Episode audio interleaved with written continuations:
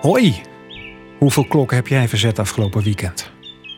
Welkom in de radiotuin. Ik ben Remco van Schellen. De zomertijd heeft plaatsgemaakt voor de wintertijd, terwijl het buiten overdag boven de 20 graden was. Wel lekker hoor.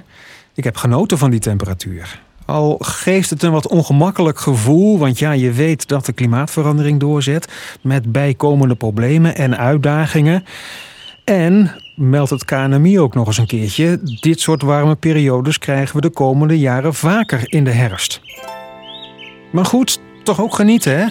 Want ja, het is er nou eenmaal. Dan kun je die zonnestraal maar beter even pakken. Vaste natuurkenner Erik Milieu, goedemorgen. Goedemorgen Remco. Dat aanpassen aan dat uur zomer naar wintertijd, dat ging eigenlijk best wel. Maar aanpassen aan een ander klimaat, dat is lastig. Ja, dat doe je niet zomaar. Hè? Zeker als je dat al miljoenen jaren gewend bent om het op bepaalde manieren te doen. En het gaat zo hard als nu. Dat gaat met schokken. Want dan moeten wij eventjes kijken natuurlijk wat dat gewoon betekent voor de natuur vlakbij. Hè? In je eigen tuin of op je balkonnetje. Waar moet ik dan op letten? Ja, je kunt het feitelijk al aan verschillende kleine dingen zien. Planten zijn gewend om te bloeien op bepaalde momenten.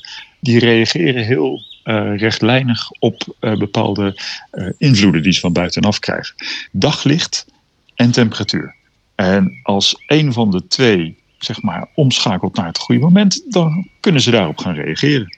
Dus denken dat het misschien toch alweer lente wordt. En hey, we gaan weer nieuwe blaadjes kweken en nieuwe bloemknoppen. En we gaan weer bloeien. Ja, maar dan straks komt, als het goed is, toch de kou er nog aan. Wat doet dat dan met die bloemetjes die dan misschien ondertussen zijn eh, uitgekomen? Dat kan een klap zijn voor een plant. Want uh, ja, bloeien kost energie. En op het moment dat je dat voor niets hebt gedaan, ja, dan heb je misschien je voortbestaan wel op het spel gezet.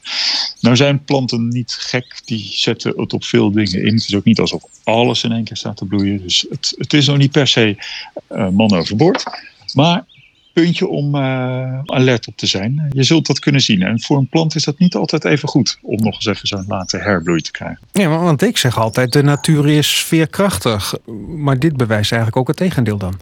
Ja, is het natuurlijk ook wel. Uiteindelijk krijg je natuurlijk ook weer een soort automatische selectie. Hè, recht van de sterkste. De planten die hiermee om kunnen gaan, nou, die uh, zijn nog sterker. En volgend jaar uh, gaan we dat als het goed is, merken dat er minder slachtoffers vallen, om het zo te zeggen.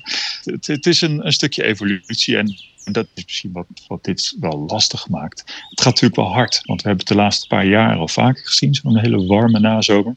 Maar ja, eh, zo'n plant, er zijn evoluties van honderdduizenden, miljoenen jaren. En nu wordt het even in, uh, in een paar decennia gepropt. Ja, ondertussen zie ik inderdaad ook insecten toch weer rondvliegen, hè? zoals wespen, bijen, dat soort dingen. Wat betekent deze periode voor hen? Die voelen van, oh, het, kan nog wel eventjes. Dus uh, die winterslaap of winterrust, die, uh, die kan nog wel even wachten. daar is op zich ook nog niet heel erg veel mee aan de hand. Op het moment dat het straks weer koeler wordt, nou, dan begrijpen ze de boodschap. En dan gaat die winterrust wel ingezet worden. Maar het is natuurlijk wel fascinerend nu als je buiten gaat rondkijken. Je ziet nog, je ziet nog libelles die aan het jagen zijn. Dat is in, in november. Is dat natuurlijk ongekend eigenlijk dat dat nog kan gebeuren. En de bomen dan? Wat, wat natuurlijk ook wel interessant is om te zien, is dat nu dus de, de bomen nog zo vol met bladeren zitten.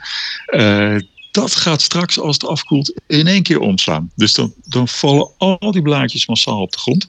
Wat er dan natuurlijk gebeurt, is uh, dat, dat wij een soort opruimwoede krijgen. Uh, en dan zeg ik ook, denk aan de egels, want die lopen ook langer door dan nu. En die hebben straks juist wel behoefte aan dat lekkere dikke bladerdekje. We gaan afwachten of we dit voortaan elk jaar krijgen. Want dan hebben we misschien wel een probleem. Hé, hey, dankjewel voor alle informatie. Jij ook, Remco. Dankjewel weer. Nou, dat zijn nog een hoop vragen.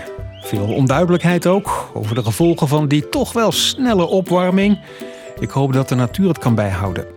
We houden het in elk geval in de gaten, want ondertussen geniet ik ook van de natuur, hè? Gewoon in eigen tuin. Dat is de radiotuin. Tot volgende week.